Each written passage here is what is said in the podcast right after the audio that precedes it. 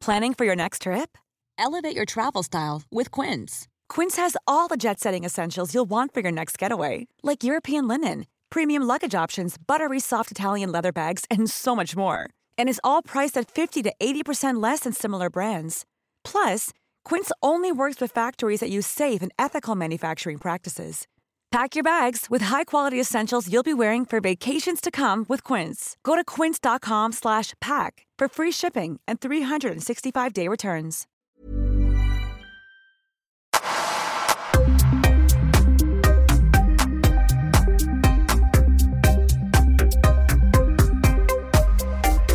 Fritte Fritzson, välkommen till Paul varje podcast. Ja men tack, äntligen. Ja, Som, som vi har längtat och som lyssnarna har längtat. exakt, exakt. Och vi får väl börja med det här bättre sent än aldrig. Det Så- var, Så är det. Ja. Du, du, eh, vi träffades på Malmen. Ja. Eh, Jag körde stand-up på uh, Mafia Comedy, Laszlo Gulles klubb. exakt. Och du var där och kollade och så satt vi efteråt och snackade och så, eh, så sa du, ja men kom, kom, det vore kul om du ville komma till podden och så sa jag gärna och sen så eh, skickade du ett Facebook, Facebook-meddelande till mig och eh, så svarade jag inte på typ, var det tre månader eller något? Ja, en och en halv kanske. Ja. det var ju, eh, det var oartigt. Ja, alltså, men, men jag är lite så här, för mig är det nog, det, det beror lite på vem, vem som struntar i att svara. Mm. Det är ju folk som jag inte känner och hört av mig till, som jag har sett har läst mitt meddelande och sen struntat i att svara. Då är, har jag liksom bara struntat i det, även om de svarar sen, då skiter jag i dem. Då är jag liksom inte intresserad. Men jag vet själv lite hur det är i min, i min egen Messenger-värld. Det är att jag får meddelanden, ibland hinner jag se dem, sen glömmer jag bort dem och så har tiden bara flygit förbi. Ehm, så med dig hade jag så här, ja, men mycket mer respekt och förstånd. Du hade ett visst hopp om att jag inte skulle vara en total douchebag. Precis. Jag ville hålla den här illusionen om Fritte Fritzson vid liv. Men det hade nästan blivit för perfekt om jag hade svarat direkt också. Ja, så här, då precis. han är så här, åh, han är trevlig och han, han är kul på scen och sen så har han en egen rolig podd, eller rolig och intressant. Och Ja. sen svarar han svinsnabbt på meddelanden.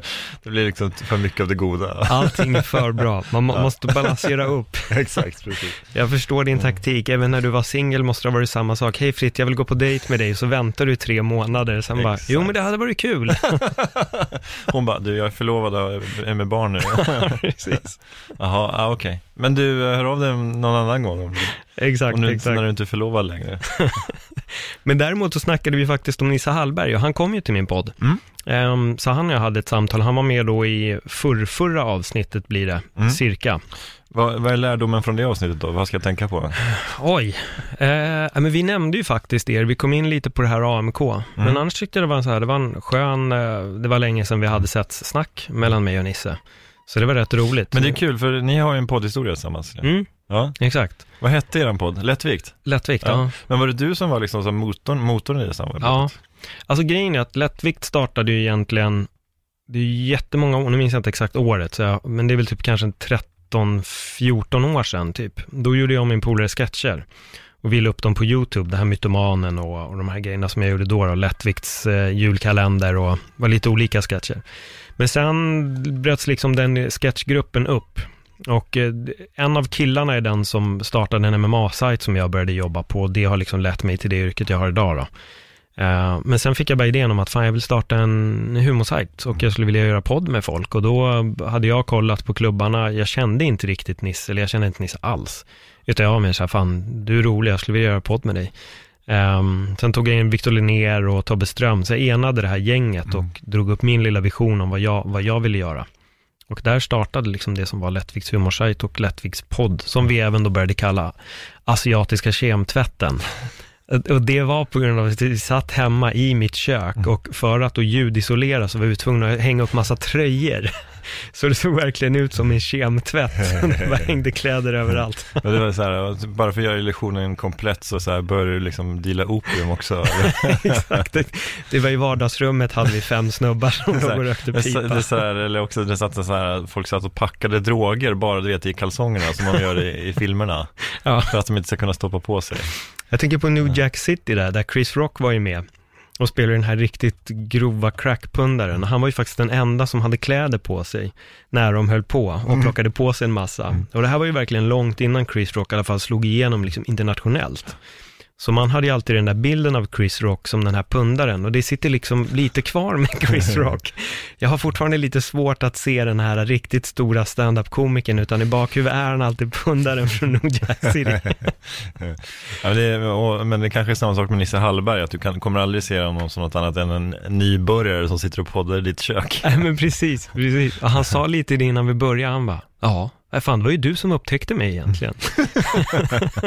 Men det var det. Men har du sett några pengar för det? Nej. Nej, det, det har jag inte gjort. Han borde betala royalty till dig. Exakt, exakt. Om inte annat borde han komma en gång i månaden och laga någon så här schysst middag. Verkligen. Ja. Det är i alla fall någonting. Pays tribute. Precis.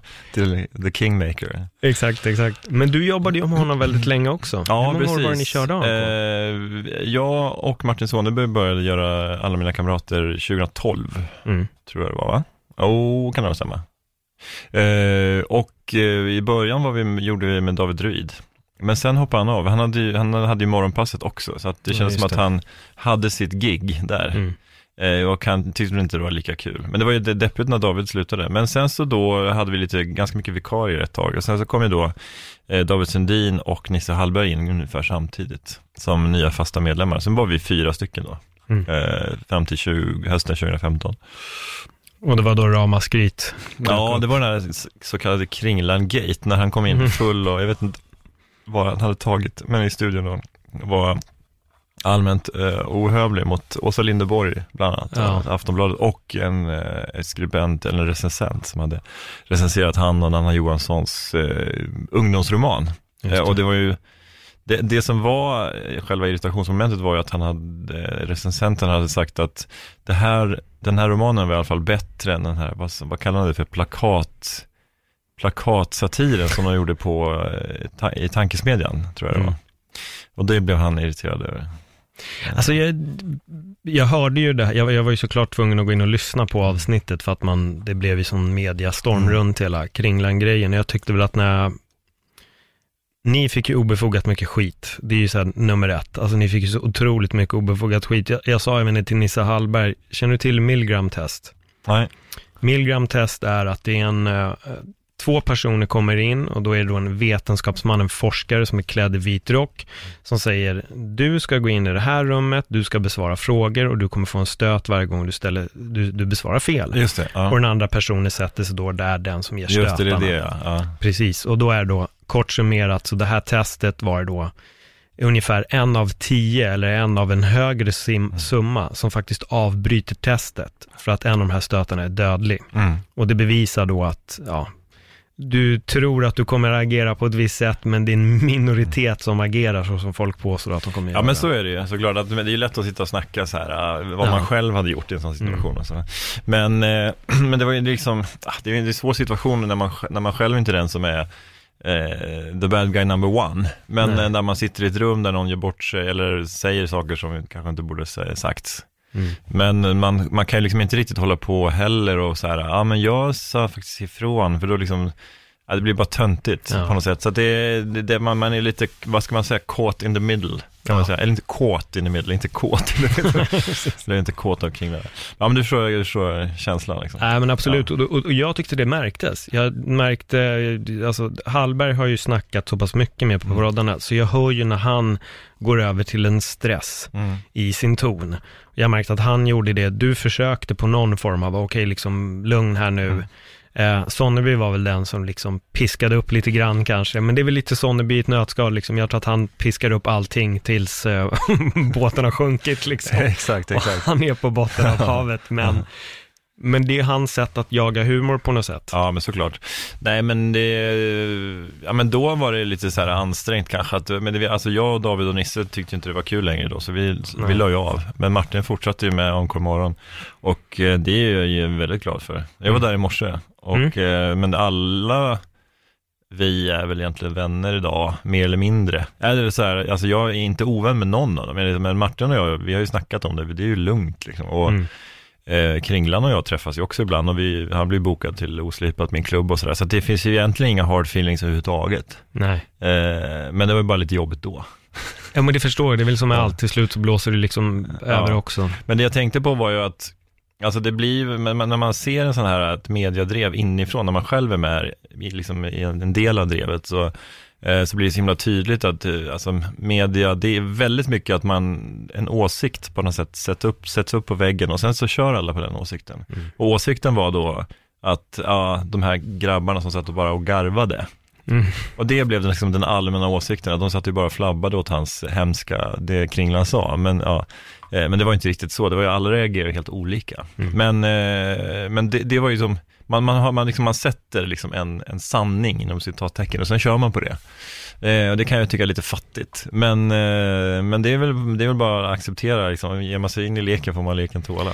Jo, men det, det, det, känns lite som att det är det, det folk gör också på något vänster. Jag tänker lite på, som till exempel Jordan Peterson. Mm. Enligt mig så är han eh, en av de mest missförstådda människorna förmodligen i, i hela världen just nu. Det klistras på det här, precis som du säger. Man har hört någonting och då är det så här, "Men han är värsta rasisten. Vissa går så långt att kalla han för nazist. Men folk har inte lyssnat på honom. Precis som med er, det är så här, "Ja, de bara satt där och flabba. Nej, men jag har inte hört. Nej, Men jag nej. läste liksom att de satt där och garvade, så för fan. Men, Mm. men gå in och lyssna istället. Lyssna vad han sa, lyssna hur de andra agerade. Så märker du att det stämmer inte. Men är du Jordan Petersons apostel i Norden eller? Nej, det skulle jag inte säga, men, men när, jag, när jag läser vad folk skriver om honom Mm, och ja. när jag lyssnar på honom själv så märker jag att man rycker väldigt mycket ur dess kontext. Och man tar, liksom om man ska nu säga, om, om, han pratar om en, om han pratar om väldigt mycket saker så väljer man att fokusera på ungefär så här 3% av någonting som man har sagt. Mm. Och gärna just att man rycker ut meningar ur dess kontext. Ehm, jag håller inte med om allt, men däremot många gånger tycker jag att han verkligen sitter och citerar statistik och det är som att statistiken provocerar folk. Mm. Att så här ser det ut och det här är statistiskt tittat på. Mm. Men då blir folk förbannade över det och det tycker jag är väldigt underligt. Mm, ja men absolut, absolut. Sen, eh, sen, finns, sen kan ju statistik vara olika saker och så. Någon annan kan Såklart. ha en annan typ av statistik. Men jag, alltså jag tycker inte han verkar så, jag, jag, jag blir inte så provocerad av honom. Jag tycker inte han verkar så superspännande som tänkare heller. Men jag, jag har framförallt hört för lite Ja. av vad han har sagt. Så att jag, I rest my case. Ja, men sen tror jag nog också att jag började redan höra lite av honom innan det blev liksom så stort om honom. Så att jag hade redan en uppfattning. Mm, du är en apostel. Ja, precis. en early adopter. en, en early adopter. Nej men jag, jag vet inte, jag tycker det är lustigt när folk säger han har sina de här 12 råd om, om livet och det Mm. var någon journalist som hade väl sagt att ja, det, det största han har svårt att följa själv det är att inte ljuga. Ja, Fast det är väl det största problemet vi alla har. Att liksom inte hela tiden vara 100% ärliga. Vi kommer alltid ljuga på ett eller annat sätt. Sen hur grova lögnen är, det kommer att variera från person till person. Så är det. Men ingen är ju felfri liksom. Nej, men det är också, alltså om det nu är så att, eh, som jag har förstått, att det så här, unga män läser hans råd och faktiskt liksom tar sig kragen Mm. och eh, tar tag i sina liv, så det är väl, det är väl toppen. Ja. Alltså om han kan vara en liten extra farsa åt de här kidsen, Ja, jo, jo. misslyckade eh, snubbar som sitter hemma och gamear för mycket och, Ja, nej, och inte sköter sin intimhygien. Precis. Ja, men, och jag tror att om man ska nu slänga ett hårt så här epitet på folk, då tycker jag nog att till exempel Tucker Carlson eller Bill O'Reilly och Sean Hannity är extremt mycket värre än Jordan Peterson. Mm. Det är där jag tycker att han kanske får en ruskigt orättvis benämning, för jag tycker att det finns ju verkligen de som sitter ute i de stora medierna i USA och verkligen råvinklar eh, Ja, Ja, verkligen. säger Men så stora delar av Fox är, upplever jag som ganska skrämmande. Alltså Ja. i sig hur de vinklar saker. Men sen är det ju också, det ja, men det är, inte, det är inte helt enkelt. För jag sitter, sitter ju här då med min, eh, min humanistiska människosyn i Stockholm Mm. och eh, så här, har liksom ingen aning om förhållandena i USA. Men utifrån min, min horisont så upplever jag det som att det är en väldigt så här, grov och förenklad retorik i Mm. många frågor. Men det finns, där finns det ju i Sverige också. Absolut, absolut. Tycker du, att, va, tycker du att du märker det någonting här i Sverige, som du säger att finns här i Sverige, något speciellt som du... Ja men alltså jag, jag kan ju, eh, alltså jag, jag befinner mig oftast någonstans mittemellan. Jag tycker inte, jag är inte, verkligen inte alt-right på något sätt. Jag är ju inte någon slags identitetsvänster heller. Jag kan liksom störa mig på de två grupperna ganska mycket. Alltså, jag, jag står, jag, jag är verkligen en, skulle jag säga, mittenperson Mm. på det sättet. Jag tycker att eh, identitetspolitiken och det här, eh, alltså som, men det var ju någon Greta Thurfjell i DN som, som myntade uttrycket peak woke. Mm. Eh, och woke är ju ungefär, vet, när man är politiskt medveten och, Mm. och, inte, och inte vill såra någon minoritet och sådär. Det är ju det uttrycket går ut på. Men hon menar att peak woke var nå- någonting någonstans runt 2011-2012. Det var då som Sverige var som mest PK, om man säger så. Men hon menar att det, liksom, det har ju ändå öppnats vissa dammluckor idag som gör att alltså, samhällsdebatten är lite annorlunda än vad den var då. Då var det väldigt, eh, folk tassade väldigt mycket på tå kring allting, vad det nu än rörde för frågor. Men jag, jag tycker inte att debatten är likadan nu. Men ändå så fortsätter vissa av de här människorna som Heberlein och Janusz och till och med Aron Flam och hävda att, det, att vi lever i någon slags nej men PK-marxism, eh, alltså samhälle. Jag tycker, inte det, stäm, jag tycker inte det stämmer. Men de får tycka det, men jag tycker att de är ute och, och seglar. Ja, Och sen tycker jag att många, många twittrar är så himla snabba att lägga upp saker när det har hänt någonting. Eh, alltså, ja men titta nu, det här är invandrarnas fel, eller titta det är dens fel, eller det är dens fel. Men, och sen så kommer någon annan, du, det där som du twittrar om, det var inte riktigt så. Ja, det, det senaste exemplet, det var ingen så här känd person, men eh, Malmö FF hade biljettsläpp för bortamatchen mot Chelsea. Eh, det var en snubbe då som eh, uppenbarligen var så full så han hade tappat bort sina biljetter. Eh, han, han gick ut och sa att han hade blivit rånad av, på biljetterna. Vilket gjorde att eh, vissa då så här, ja, ah, ser nu hur, det liksom, hur det går, fan vad, vad är Malmö på väg någonstans? Jag tänkte som en hederlig kille blir rånad på sina biljetter och så här. Och underförstått då att det var liksom kriminella invandrargäng då som gjorde det här. Eh, sen hittade de ju biljetterna i trapphuset till där kön till biljettsläppet var.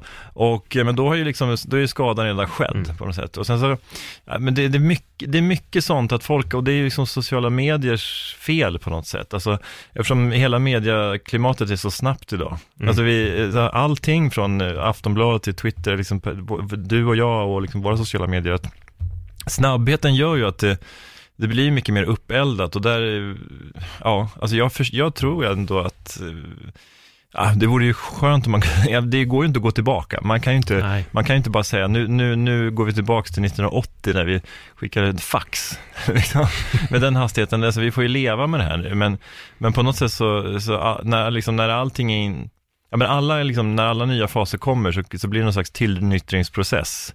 Först så fattar folk inte riktigt hur de ska använda sociala medier, men förhoppningsvis så kanske det blir mer utvecklat på ett sätt som gör att, ja, men, att inte debatten blir så spårad som den är i nej. vissa fall just nu. Och, hur, hur känner du själv? nej, men jag, jag håller med och jag är nog, så roligt när du nämnde Flam, Janus och Heberlein där, det är, jag, jag fascineras av folk som upplever att hela Sverige är på väg att gå under. Mm. Ehm, det är den klassiska kommentaren som folk slänger med på medierna. Ja, men du behöver bara öppna fönstret. Och så öppnar man fönstret och tittar ut. Solen skiner. Det är lite halt ute. Det är någon pensionär som halkar runt. Men, men det är inte mer farligt än så. Broddar och det är löst liksom. Och, och det är där jag blir så fascinerad över den här otroliga domedagsprofetian som de sitter och kör med. Samtidigt tycker jag att om man tittar rent historiskt så är det så hela tiden. Du kan backa hundra år, tusen år, flera tusen år och det är alltid nu är slutet här, nu kommer de och nu kommer det här att ske och nu blir det det värsta problemet och det var bättre förr. Ja. Alltså jag tror också att man glorifierar någonting med att allting var så jävla mycket bättre förr. Jag vet som en polare sa till mig, nej fan jag tycker det är annorlunda när man går ut nu, det var verkligen bättre än när vi var yngre. Nej, det var, den enda skillnaden var att vi var unga då. Mm. Det är en ny generation, det är ny musik, det är en annan grej, men det är inte liksom annorlunda på något sätt. Det är inte mer problem eller mindre problem eller värre fyller eller lugnare fyller. Det är nog bara att vi är äldre och jag tror att när vi blir äldre så vill vi gärna se oss själva som, ah, jag var typ lika mogen som jag är nu, var jag när jag var liksom 18 till 25. Men nej, det var vi inte. Vi Nej. var lika korkade som de som är 18 och 25, eller lika mogna som de som är 18 och 25. Jag känner mig att min, eh, min period när jag var dum i huvudet var ju liksom kanske för typ två år sedan. Där- Där slutade den. Men, eh, nej, men det är ju en paradox också att trots att samhället blir bättre på många sätt så, så eh, eftersom allt sker alltså momentant när det gäller nyheter och sådär och, och att samhället är öppnare också så blir det ju så också att, att saker uppmärksammas mer. Alltså till exempel, jag menar, om, om mobbing för, till exempel för, eh, för 30 år sedan, så då på, om man blir mobbad på skolgården så kanske det mer var så här, ja, men skärp dig nu då. Och idag så uppmärksammas det. Eh, si och så många blir mobbade, det och det, vi har handlingsplaner mot mobbing. Eh, men det gör ju också att man pratar mer om det och då tror man kanske omedvetet att det är ett större problem idag än det var för 30 år sedan, men det, det är det nog inte. Jag tror att det finns en helt annan, eh, alltså, alltså folk slår ner på mobbing på ett annat sätt idag än vad de gjorde då. Jag håller med dig, jag tror att vi är mer uppmärksamma om själva, om vi ser konceptet mobbing Mm. idag. Däremot så får jag en känsla av att folk faktiskt mår däremot helt mycket sämre idag. Och jag kan känna, det är det flera gånger som jag diskuterar det här med vänner och jag säger att jag är så jävla glad att jag inte är ung nu när mobiler och sociala medier florerar på det sättet som det gör. För jag tror att sättet folk hänger ut varandra på, helt utan att tänka, Mm. är så jävla skrämmande. Förut så var det att om du tog en rolig bild på någon som var naken, ja men då skulle den framkallas, du hade fotot och det var inte så mycket mer än att Om x man, antal man personer såg till det. Expressen och Expressen konstigt nog bara, nej vi, vi kommer nog inte publicera det här. Nej, precis. Men nu istället, du skickar ut det på Facebook och Instagram och Mm. hela världen Mm. kan se det och helt plötsligt har någon annan printscreenare och då spelar det ingen roll om du tar bort det. Nej. Det tycker jag är ganska läskigt. Någon kallar det för orre, Exakt, exakt. Nej men det är så här, oklart vad det är. ja, jag, att jag hittade något sånt där Mm. konto för att det blev uppmärksammat. Det var just det här med att de hängde ut orrar på Mm. hela vägen. Jag vet inte om det var en, hur många år sedan det var. Men det var i Göteborg där det liksom blev eh, nästan kravaller av det hela. Ja, det var det, jo, det var det det var. De Var det- hade lagt upp något om någon tjej och så var det inte ens hon som Mm. hade sagt eller gjort det Mm. som hävdades. Så hon åkte väl på massa stryk också tror jag. Ja. ja, det var en stor, eh, stort rabalder där. fall. Ja, Men, eh, ja, nej, men det är ju det är intressant och, och det behöver inte ens vara så att man blir uthängd utan bara stressen från sociala medier i sig. mm. När du sitter och kollar på, eh, ja men antingen kollar du på Facebook och ser liksom an, andras perfekta liv och så blir du stressad av det, eller så sitter du och kollar på Twitter och så är det folk som skriver massa arga grejer och så, så håller du inte med och så blir du stressad av det.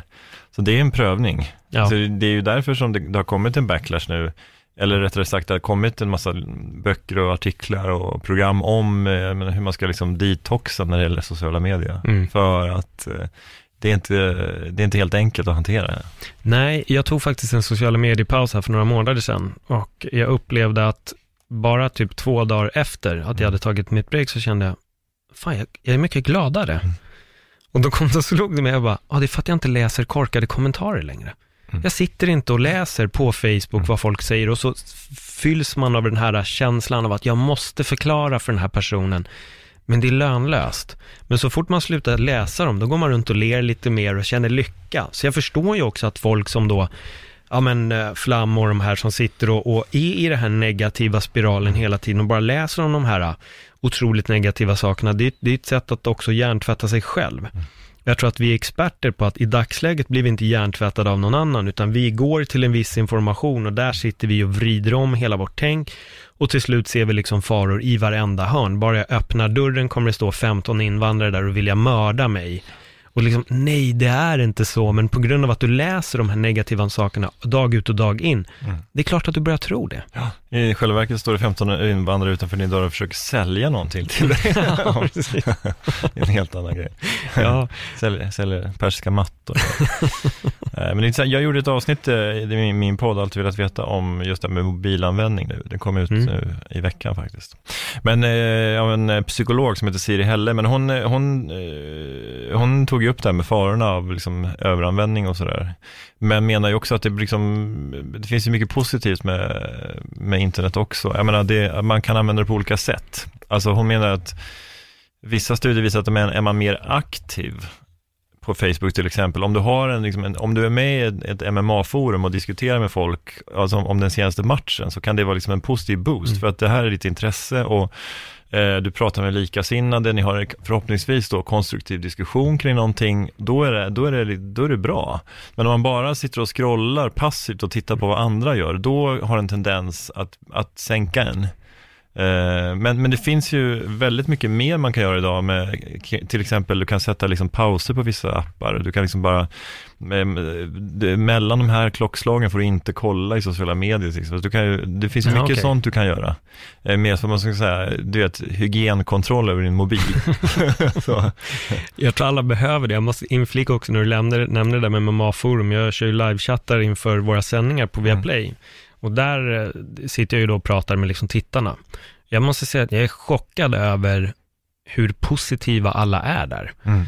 Um, Men det är en bra stämning. Jättebra. Jag tror träffade en person någon gång, så jag var men ni var jättedåliga på att kommentera och så försvann han. Okej, okay. alltså, jag tror jag har fått två negativa kommentarer, då har jag ändå hållit, så vi snackar nog några hundra. Ja. Det finns ju alltid någon tolvåring som vill vara tuff. Nej men precis, men, men det var så fint, för det var en gång så var det en kille som sa att ja, men, han ville bli proffs mm. i framtiden, en ung kille och han började förklara att han ville bli proffs och då frågade han om tips och då sa jag, men om du går någon match, skicka det så kan jag titta liksom.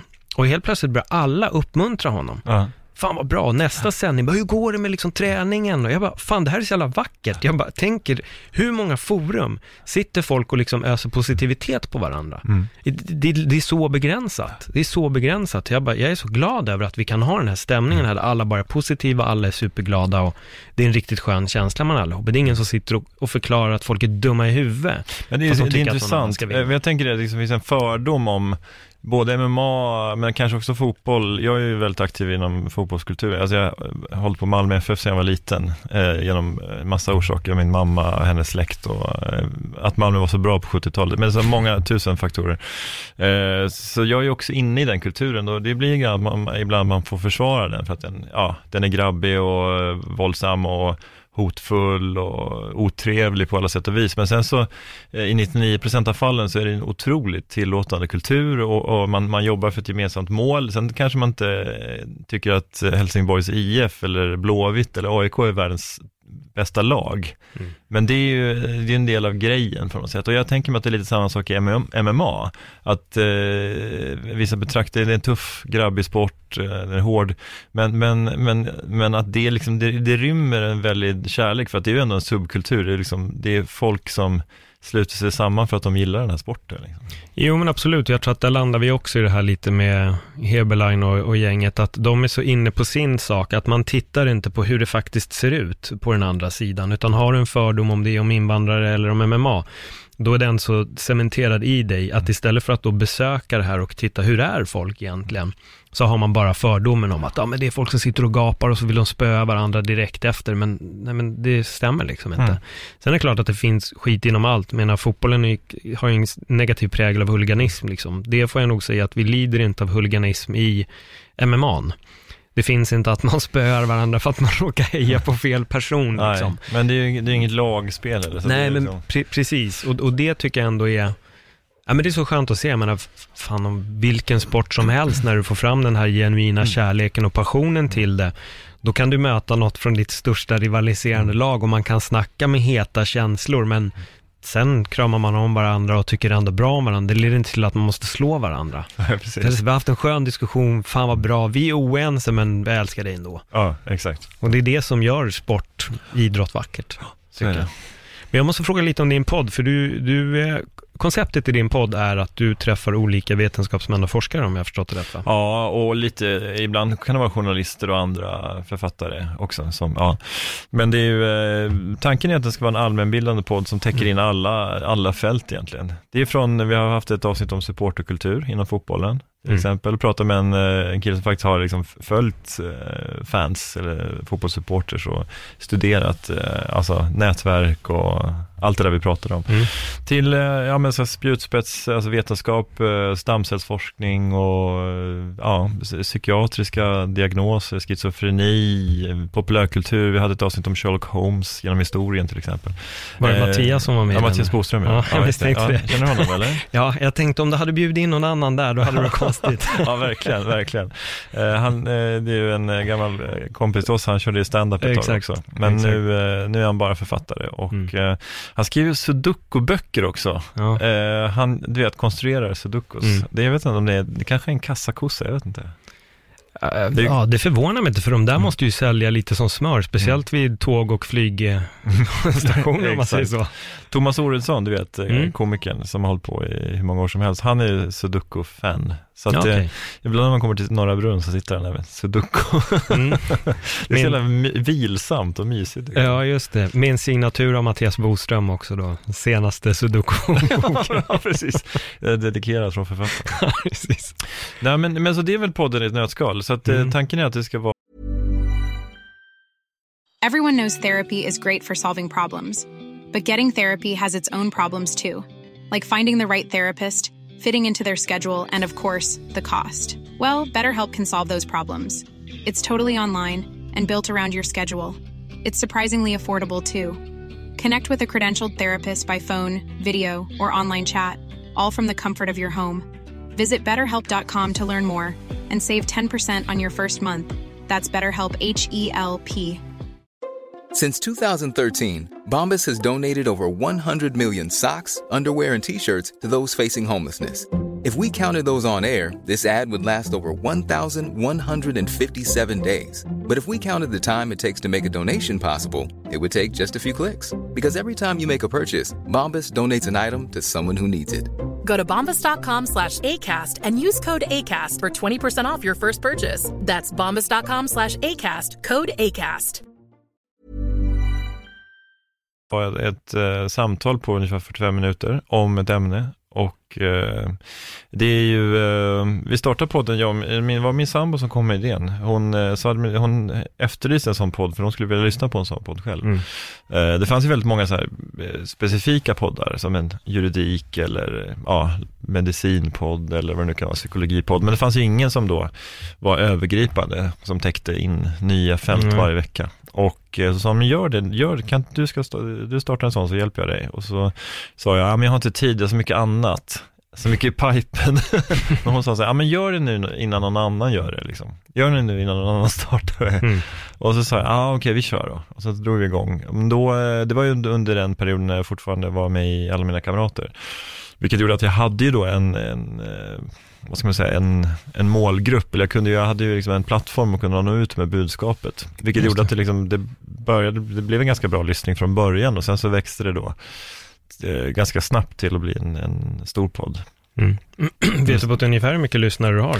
Ja men jag har väl eh, runt eh, 250 till 300 000 lyssningar per Mm. månad. Okej. Men det är ju då en lyssningar och Ja. då är det inte unika lyssnare. Så, eh, unika lyssnare är väl färre, det är väl kanske någonstans runt, jag vet inte, ja 30 000 i veckan Mm. kanske något sånt där. Mm.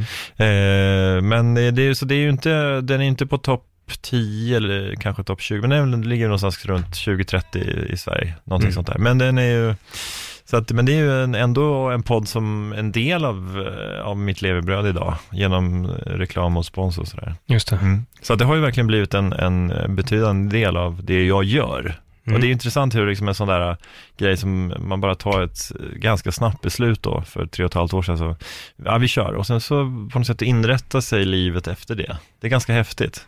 Om man inte blir stressad av det, liksom att, att, att åka dit livet, livets vågor för en. Nej, men precis. Och det är ju, jag gillar också, för, för det är lite, lite tanken med min podd med, att den har ingen konkret nisch. Alltså jag har ju en sån otrolig bredd på gästerna. Det har såklart varit mycket fighting-folk för att jag har väldigt mycket sådana kontakter. Det har blivit en del stand-up-komiker också för att jag har de kontakterna, men Sen har det varit allt från smärtläkare, terapeuter, liksom lite olika, väldigt bred, breda ämnen. Jag hoppas kunna bredda det ännu, ännu, ännu mer i år. Och jag kan nog känna att jag tror att många poddar kanske gör lite fel när de söker den här. Det måste handla om det här. Nu är det bara det här som det går ut på. Folk är nästan lite som att, vad handlar din podd om? Mm. Ja, men om allt. Ja, men eh, vad då om allt? Ja, men alltså det är det jag vill. Mitt kriterie är att jag ska vara nyfiken. Jag Ja. vill liksom ha nyfikenhet till personer jag träffar eller att jag tror att vi kan dela ett bra samtal. Du är, Um. du är som eh, totala motsatsen till det här eh, Seinfeld, eh, när Seinfeld och George ska skriva en serie about nothing. it's about nothing. Men it's your show is about everything. Just det, just det. Täcker in eh, universums eh, samlade kunskap. Ja, Nej men det är ju, men det är ju, alltså, poddmediet är ju fantastiskt. Det känns ju som att, eh, att det har funnits för alltid, men det har det ju inte. Det är ju, det är ju nytt, alltså det var väl en, ja men där 2010, 2012 där som det verkligen började hända grejer. Och sen, eh, det, det växer ju fortfarande, lyssningen ökar ju. Så att det som vissa trodde var så här, men podd, äh, hur länge ska det hålla? Men det är klart att så länge folk har tid och har eh, smartphones med eh, 4G eller 5G snart, Mm. och ett par lurar så, så är det ju den perfekta underhållningen. Och det, ja, men det är samma sak som med ljudbok, ljudbokslyssning. Alltså det är ju en perfekt. jag tycker det är superbra. Jag är också verkligen sån där som när jag städar eller har tvättat, då är det skönt att ta fram en tre timmars podd och bara känna att den här kan jag lyssna på länge nu eller Ja. hitta x är antal det, avsnitt. Joe Rogan eller? Lite har jag faktiskt lyssnat på på senaste. Dels för att många har gjort Joe Rogan-referensen med mig Mm. eh, i hur min podd är, att jag kommenterar med mat, jag körde stand-up så. Men jag har lyssnat en, en del på honom. Jag har några, eh, lite olika som jag lyssnar på. Men sen jag är mer lite så här, hittar jag någon person, då börjar jag söka upp personen och lyssna på de poddarna den människan har gästat. Ah, okej. Ja. Så lite, lite varierat där och Jordan Peterson har jag såklart lyssnat lite olika på. Mm. Inte bara han i Joe Rogan-podden, men eh, nej men så det är väl det. Sen i perioder lyssnar jag inte någonting på podd alls. Men inga humorpoddar faktiskt. Där känner jag nog att jag är så här, jag vill lära mig någonting när jag lyssnar på podd. Det, det, det är det jag tycker är ganska fascinerande med, med just hela konceptet mobil. Du kan välja att bli dum i huvudet eller hjärnforskare. Det handlar bara om vad, vilken väg du väljer att gå åt. Ja. Och det är så fascinerande att vi sitter egentligen med det här lilla verktyget som är så otroligt starkt. Och vi kan lära oss allting, vi kan få all kunskap vi vill. Och där är hatten av till din podd, att verkligen lyfter det här med kunskap. Istället för att bara kanske sitta och dumma ner sig i, i skit, vad det nu än må vara. Liksom. Ja, men det finns ju tusen poddar där, där två eh, sitter och babblar bara. Och det är, ju, det är ju en stunds underhållning, det är ju också, det är helt perfekt Mm. om man vill ha det. Men det är, jag märker väl att de senaste kanske typ två, ett och ett halvt, två åren har liksom blivit, vänts lite grann mot att folk har sökt sig till, till poddar som är lite mer allmänbildande eller har något, något budskap eller mer än att, att bara en typ två tjejer som heter eh, Rebecca och, och Elinor sitter och pratar om beauty. Mm. För att ta ett exempel på, det kan vara vilken podd som helst. exakt, exakt. Eller två killar som sitter och pratar om vad det nu kan vara. Om jag har ju själv en sån podd som heter Fyra meter som jag har med Anders Sparring, som du vet, Mm. som Ja. eh, hade El Mundo stand-up. Så vi sitter ju också och babblar Mm. eh, om allt och inget. Och det är ju jag tycker skönt, men det är ju ett, det är ett utlopp för mig. Där vi, det, Mm. Därför kan jag sitta och tramsa, men vi kan sitta och ha sådana här eh, samtal som du och jag har också. Så att det är liksom verkligen också en högt och lågt podd. Men eh, så att jag har liksom min ventil där. Mm. Och sen har jag då alltid velat veta som, eh, som min, lite mer stödade delen av mig själv.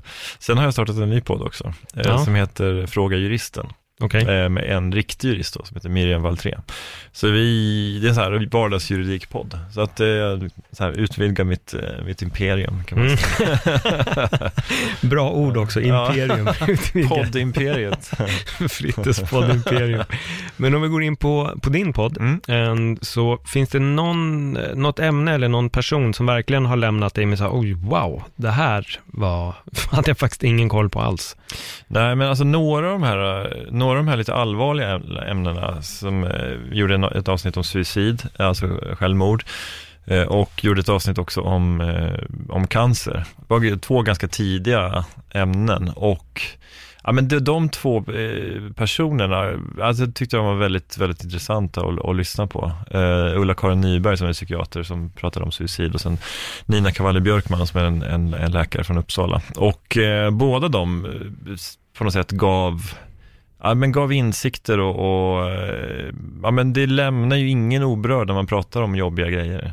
Eh, eh, och just bara en sån här enkel grej som när, eh, när, när cancerbesked, hur man ska hantera folk i sin omgivning. För att om man brukar säga att vi svenskar är så himla ovana vid hur, ska vi, hur vi ska göra med här grejer, om- döden och så, men jag tror att det, det är väl ungefär likadant över hela jordklotet, tänker jag. Det är möjligtvis att det är lite enklare i Indien, för då vet de, de har de ritualen, då ska de gå ner till Ganges och sen ska Mm. den personen brännas en- enligt någon ritual, jag vet inte, men att det kanske finns mer ritualer i vissa länder, men, men Ja men liksom hur man ska närma sig någon, någon person som mår dåligt eller någon, i, någon som är sjuk eller någon som är döende, allt sånt där.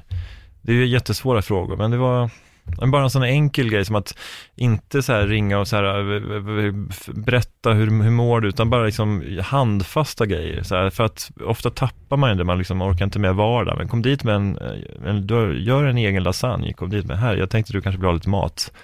Eh, blir man inbjuden så okej, annars så, så hör av dig liksom, så då får man någon slags kontakt. Bara Mm. att visa att man finns där på, på ett väldigt handfast och enkelt sätt. Du, ska jag hjälpa dig? Ska jag hämta, ska jag hämta på dagis nu?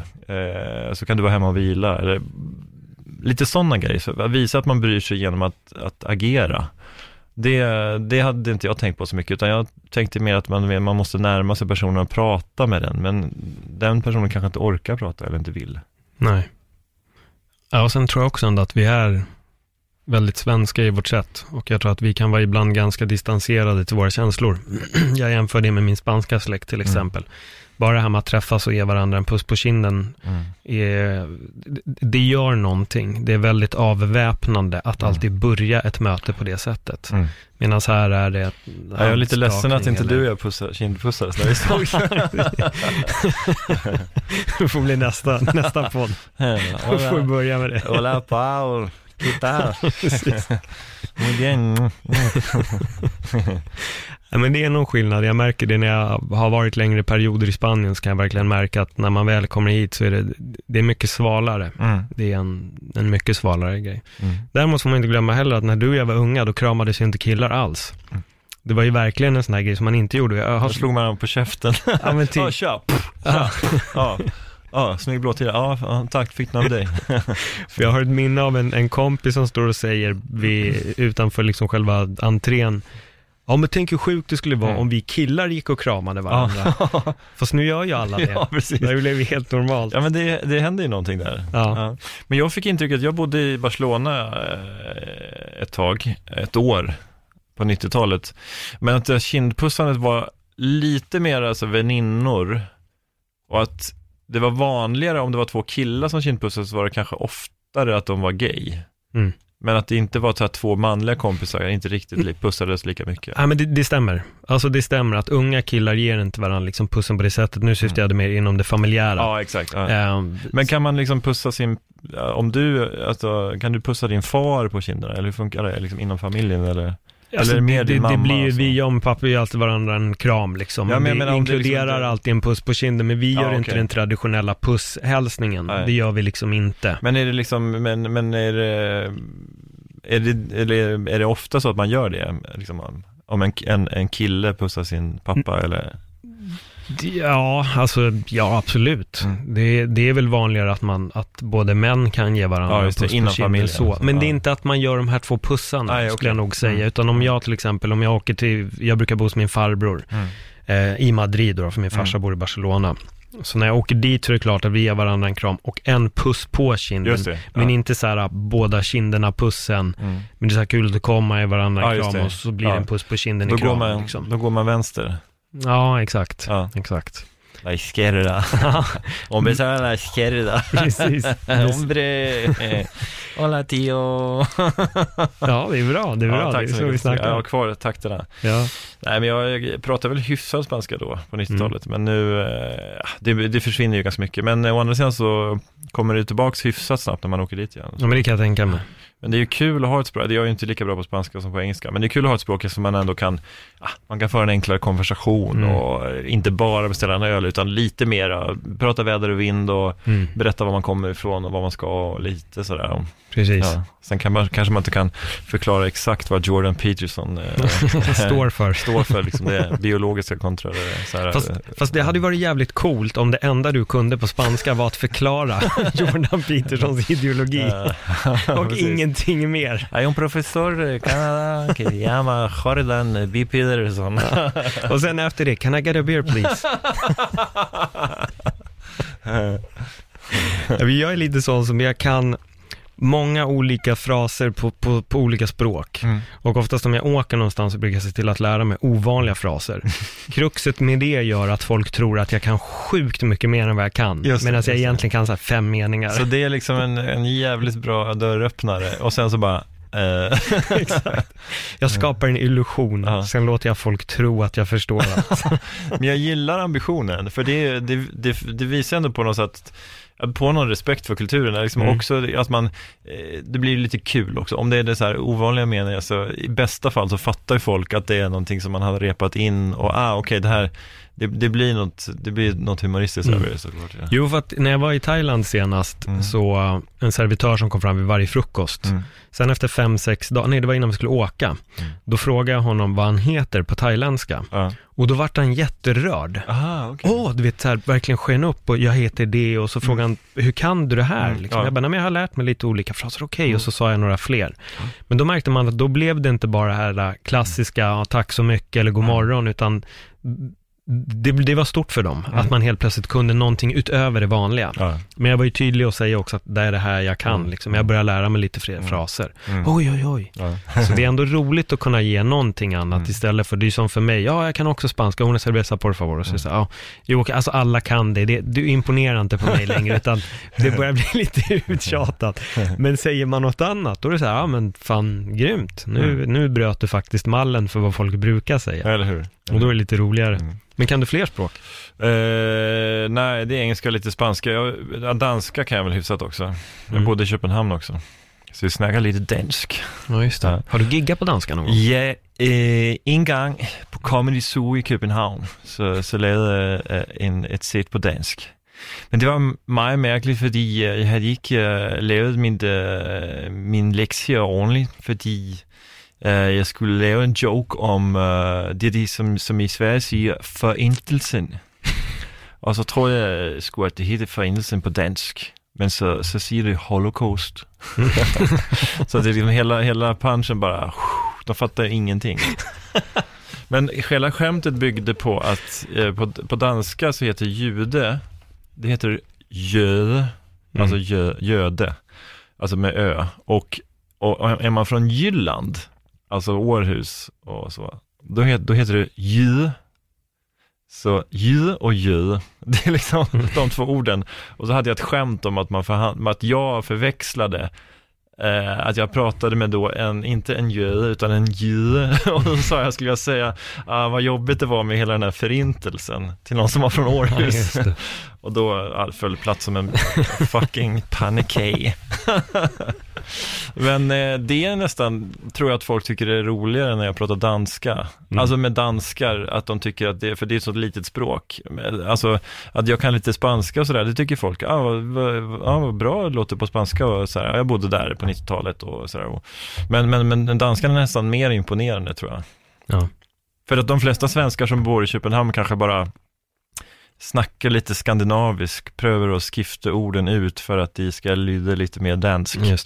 Men eh, om man prövar riktigt sån, eh, griper faget i, språket? Sån i mullen, det danska ikke? Bara liksom, ska, man ska prata från, ända från anus och upp liksom. då, då, då, då kan man möjligtvis få en plats i det danska samhället. Även om det är tufft nu, de sätter ju till och med invandrare på obebådda öar nu. ja, vad fan är det där för någonting? Nej, men de skulle ha ett läger för folk som eh, skulle vara utvisning, alltså som hade, varit ut, som hade blivit utvisade från Danmark. Eh, men som av olika anledningar då kanske liksom var betraktade som då att de skulle liksom avvika då Mm. för att gömma sig och sådär. Och då skulle de sätta dem på en ö. det, är så så här, det känns vi så här, Alcatraz, eller vad heter den här, vad heter den här Dennis Lane, eh, den här... eh, Ja, ja, ja, ja, ja, Shutter Island. Shutter Island, ja. Just det. Här, det är samma eh, jobbiga regnväder hela tiden. Jag tänker också på Flykten från Absalom. Ja, jag vet inte om det. vet, den där gamla filmen med Ray Liotta. Ja. Men danskarna är ju hårdare, det är ju ett Ja. annat klimat. Eh, och vissa säger att ja, men danskar, de är så sköna för att de säger vad de tycker. Men jag tycker också att det är eh, det blir ju lite mer, det blir, för mig är det lite för hårt tycker jag. Alltså Mm. till exempel så drev de igenom någon lag nu för några år sedan där de var eh, som kallas för smyckelagen, att när, Ja, när det kom eh, flyktingar till Danmark så skulle de, man frånta deras liksom, smycken och sådär. Det var ju väl, alltså, det känns, för mig känns det, det känns lite omänskligt. Det är ju bara stöld. Alltså, Ja, men då menar de att eh, alltså om vi ska ta hand om de här så måste vi också kunna på något sätt kräva alla deras tillgångar. Någonting, lite oklart, men också den här, eh, de diskuterar ju något som de kallar för ghetto loan, alltså gettolagen, där de då för att stäva organiserad brottslighet, stävja organiserad brottslighet i, liksom, ja, i ut, ut, utsatta områden då, i storstäderna, så eh, har de andra då straffsatser där än i resten av samhället. Så att liksom, eh, åker du fast för ett brott i då, någonting som betraktas som ett getto, så kan du få liksom dubbelstraff. Alltså det är, eh, och det, det är sådana grejer de diskuterar på allvar, vilket jag tycker är Alltså fine liksom, vill du, liksom, vill du slå ner på den or- organiserade brottsligheten, men det måste ju finnas bättre sätt att göra det på än att, för nu är, nu är ju inte alla lika inför lagen i så fall. Nej.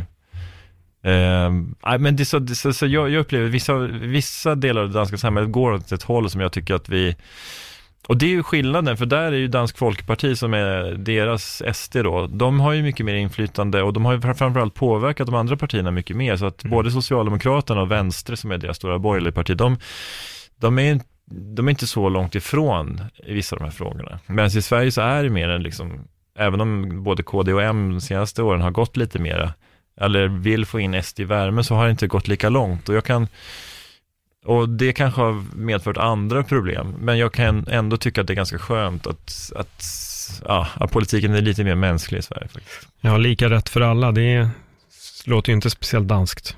Nej, Nej. Nej, men det, jag tycker det är, liksom, det är li, alltså just alltså att ha olika straffsatser beroende på liksom, om man blir gripen då i, ja. i Rinkeby eller i, i Danderyd, det känns ju, det, det, skulle jag, det känns ju väldigt märkligt. Ja, jag tycker för mig låter ja. det, jag hade, den det måste hade jag finnas, missat. Det måste finnas, ja, men det, är ju, det diskuteras på allvar, sådana frågor diskuteras på allvar och det, jag mm. tror att det är Eh, det är såklart en del av det politiska klimatet och man märker det att liksom, eh, klimatet förändras i steg. Jag menar, mm. det är ju, man tittar på Polen eller Ungern, det, är ju, det sker stegvis, men det är ju ingen eh, utveckling som jag, som ändå, ja, vad ska man säga, demokrat sitter och mm. applåderar direkt. Nej, men vi är för jävla mjuka i Sverige. Ja, det, det Behövs kanske... lite hårda tag. Precis.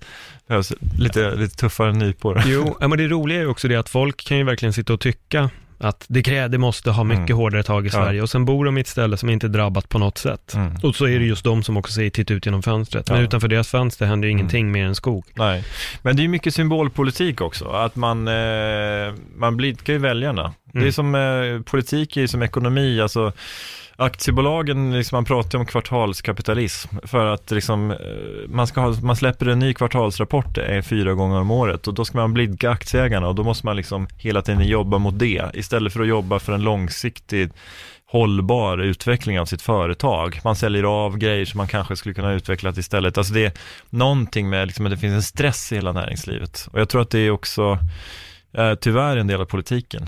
Att mm. eh, politikerna, det är mycket symbolpolitik för att blidka väljarna. Oavsett om det är liksom, apropå det vi pratade om Jordan B. Peterson tidigare, om att han, liksom, han diskuterar statistik och forskning. Det är, Alltså det är mycket forskning som visar att hårdare straff inte nödvändigtvis leder till att brottslingarna liksom äh, återförs till samhället på ett mm. bättre sätt, utan att det, det blir lika mycket brottslighet efteråt.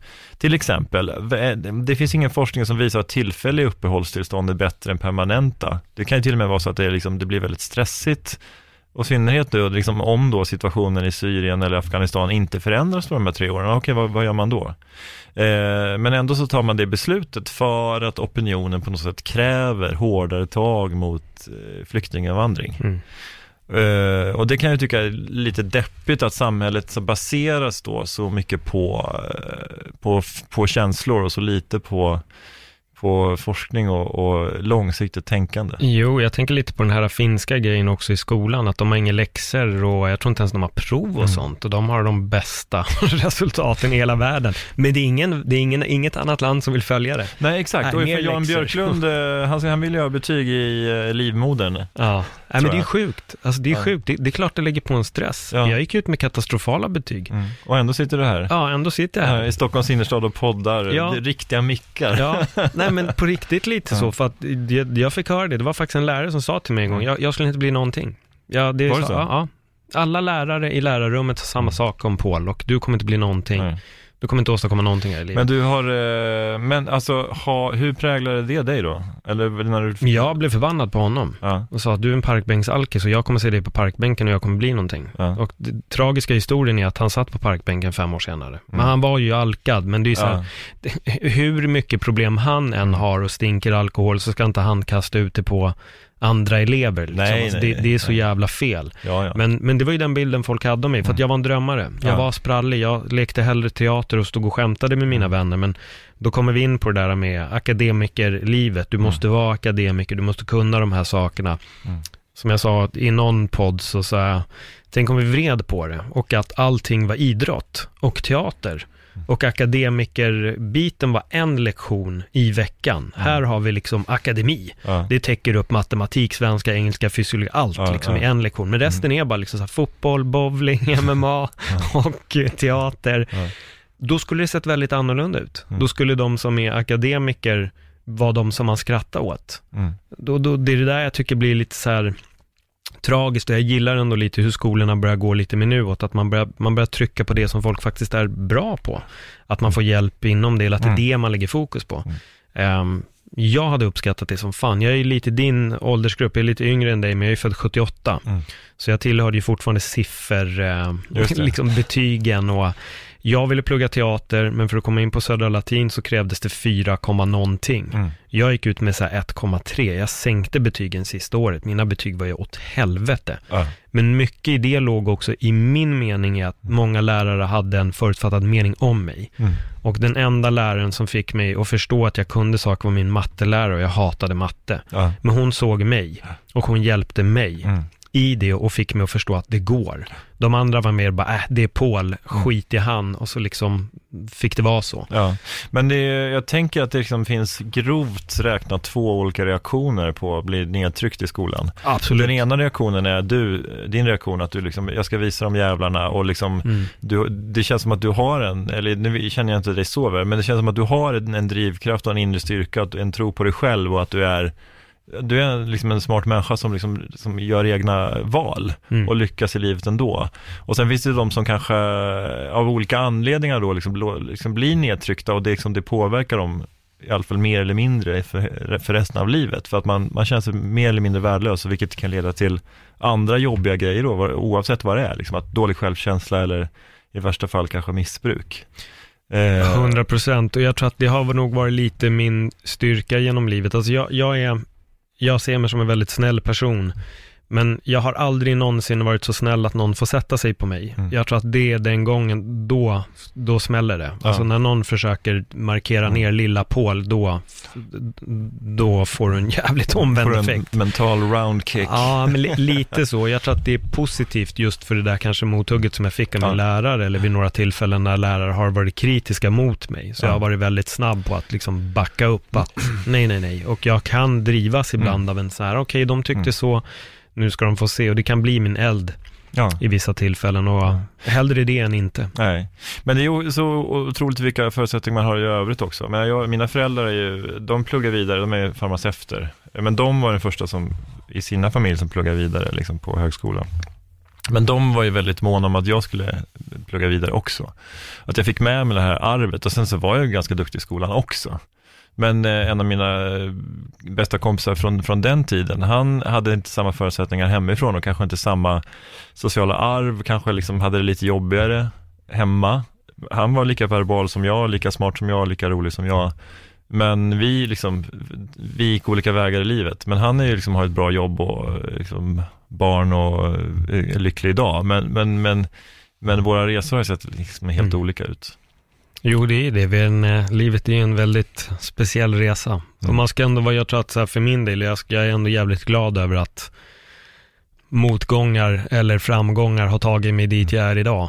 Och jag tror lite som du säger också, det finns verkligen folk som man, man kommer reagera på två sätt. Antingen så blir man begravd av en sån kommentar och så ger man upp. Mm. Eller så är man den som, jag ska visa dig att det du tror, det stämmer inte. Och jag tror att kan man få lite mer av den här att jag ska visa dig, så tror jag att många, många hade nog kunnat gynnats av att istället se det som en eld istället för någonting som bränner upp en. Mm. Tror jag hade varit ganska positivt. Fritte, vi har faktiskt närmat oss slutet eh, på vår podd. Så om folk vill hitta dig, var gör man det och vad heter din podd och hur hittar man den? Mm, Allt vill att veta heter den. Den Mm. finns ju i alla poddappar, så det är bara att söka på Allt vill att veta. Och jag heter Fritte Fritzson då med Z och S på Twitter och Instagram. Mm. Och där, ja, där får man ju tillräckligt med reklam för allt jag gör. Sen har jag en standup-klubb som heter Oslipat, eh, som finns Mm. i både Stockholm och Malmö, Uppsala och lite andra gästspel. gör vi i Landskrona, Jönköping. Eh, oslipat.com eh, kan man gå in och se alla föreställningar. Mm. Grymt. Jag länkar till Oslipat och om det är någon mer länk som du vill ha med, skicka det till mig så slänger in det så är det bara för er som lyssnar att kolla in bion så hittar ni allting om eh, Fritte Fritzson där. Perfekt. Du fan, eh, tack. Du är ju standup-komiker och vi snackade inte alls om standup och det gillar jag. Det var lite det jag sa innan. Vi börjar någonstans och hamnar vi i kosmos så, så är det perfekt. Och jag tror att vi, eh, idag landade vi på massa bra ställen. Härligt. Det var kul att vara med. Ja, jättekul att ha det här. Tack så mycket Fritte. Och till er som har lyssnat, eh, ha det jättebra. Hej då.